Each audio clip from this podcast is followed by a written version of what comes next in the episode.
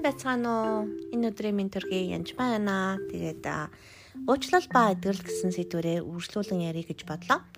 Тэгээд нэг удаа би Вашингтон ДС хотод явж байгаад тэгээд нэг эмэгтэй миний одоо өвдөг маш их өвдөд идэх юм аа. Янж ба намайг залбираад өгөөч гэж хэлжсэн. Тэгээд би бас зарим хүмүүс мэдэж магадгүй. Тэгээд би чөлөө цагаараа бас нэлээд эдгэрлийн залбирал болон каунслинг үйлчлэгээ үзүүлдэг байгаа зөвлөх үйлчлэгээ.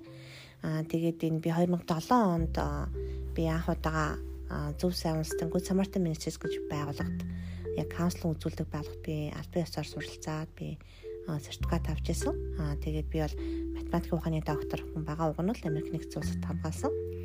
Тэгээд нөхөр дөрөв хүүхдийн хаймд амьдардаг. Тэгээд тэр үед юу болсон талаар хэлээ л да. Тэгээд тэр эмэгтэй маань юу гэж хэлсэн бэ гэхээр надад каунслинг одоо зөвлөгөө авах гэж ирээд тэгээд миний маш их өвдөг өвддгөө гэж хэлсэн. Тэгээ би тэгэд урдаас нь та ер нь хүнд гомдож ч юм уу уралж яасан ч юм уу бухимдж яасан тийм юм байдгүй гэж би асууж исэн. Тэгээ тэр үед бол тиймээ манай ажил олгогч маань ийм муслим үндэстэн байдаг. Тэгээд баян намайг дарамтлал зовоож ингэж муухай бачимдаж ярьдаг тийм хүн байдаг. Тэгээд тэрнээс нь болоод би их гомдож уралдгаа гэж хэлжсэн. Тэгээ за тэр хүнийг хоёлоо уучлаад явуулчихъя. Тэхүү боломжтой бол гэдгсэн чинь нэлээд жахан бодож яснаа.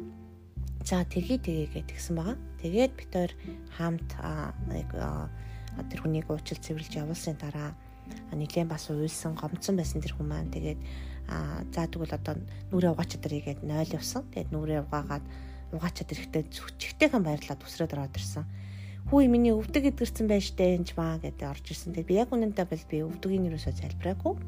Аа тэгэхээр биен дээр янз бүрийн өвчин эмгэг байгаа болвол бас янз бүрийн олон учир шалтгаан байдаг. Мэдээж ямар учир шалтгааныг олох нь яг өвчтөд нь одоо эмч олж байгаа шиг одоо каунслер хүн бол олдог байгаа. Аа гэхдээ ихэнх тохиолдолд ер нь үл уучлал буюу гомдсон энэ зүйл бол бас өвчин эмгэг болох тохиол маш байдаг учраас та бүхэн маань бас уучлж байгаарай гэж бас хүсэж байна. Тэгээд дараачийн нэг жишээг бас ярих гэж бодлоо. Би 5 өдөр болгон библийн хичээл заадаг. Тэгээд тэр хичээлийнхаа дараа бид нар бас залбирдаг, бас ингээд зөвлөх үйлчлэгээ авдаг байгаа. Тэгээд нэг эмэгтэй миний нуруу маш их өвддгөө гэд анх удаа орчсон хүн байсан. Тэгээд зогсож зогсон ажил хийдэг. Тэгээд өвддөг юм болов ч гэх юм уу. Ажил мэргэлтэйгээ холбосон байдлаа надаас асуусан. Тэгээ би энэ та осол аваард орж исэн үү гэдээ асуусан чинь нурууны гэмтэл чи олон янз шалтгаантай байгаа шүү дээ. Тэгсэн чи тийм ээ би ингээд автобусны осолд орж исэн гэж хэлсэн. Тэгээд автобусны осолд орж исэн хизээ болсон бэ. Тэгээд осол аваараас ингээд үлдсэн байж магадгүй байна. Аюу ч гэсэн одоо залбирая гэдгсэн чинь би тэгээд та нар автобусд жолоож гомдсон юм уу гэж асуусан чинь үгүй би өөртөө гомдсон гэж хэлсэн.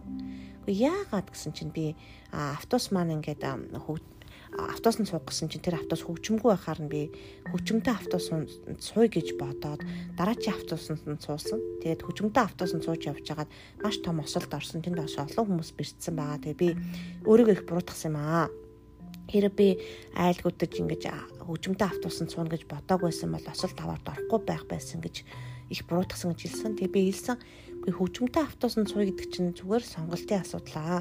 Залуу хүмүүс хөгжим сонирхож бүжиг ч юм уу тийм энэ сонирхох явдал чинь ямар ч асуудал байхгүй зүйл шүү дээ. Ер нь бол сэтгэл хөдлөө заавал хориод ч юм уу дуртай юм а хийхгүй байх нь бас нэг тийм зөв зүйл биш ээ. А тэгэхээр харин та өөрийгөө уучлж өөрийгөө одоо буруутгах яснага болох хэрэгтэй байна гэж хэлсэн. Тэгээд өөрийгөө уучлж буруутгах яснага одоо буруутгалуудаа бүгдийг цэвэрлсэн байгаа.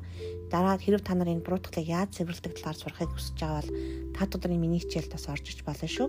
Аа тэгээд бас энэ подкастаа ч гэсэн би богино хэмжээгээр жоохон ч гэсэн тайлбарлахыг бас оролдож болно. Тэгвэл дараа дараачих маань подкастыг бас шимтэн сонсороо гэж бас уриалж байна. Тэгээд тэр эмэгтэй өөрийнхөө буруутгалыг буруутгаа болсон өөрийгөө уучлал цэвэрлсэний дараа нуруунд тэр дороо идэрсэн. Ер нь бол нэг минут хүрээгүй дээ.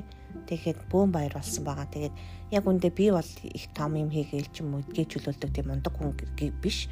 А би зүгээр л тэр хүний өвчин өмгигийн учир шалтгааныг нь олоход нь тусалсан гэж хэлж болно. Тэгэхээр та бүх манд бас өвчин өмгигийнхаа учир шалтгааныг бас хайж олоход ер нь буруутгахгүй. Тэгээд хамгийн ихэнд бол ерөөсөө л уучлал байдаг. Тэгээд уучлал бол үнэхээр одоо номер 1 чухал зүйл ээ гэж би бодож байна. Тэгээд дараагийн подкастаар уулзцгаая. Баярлалаа.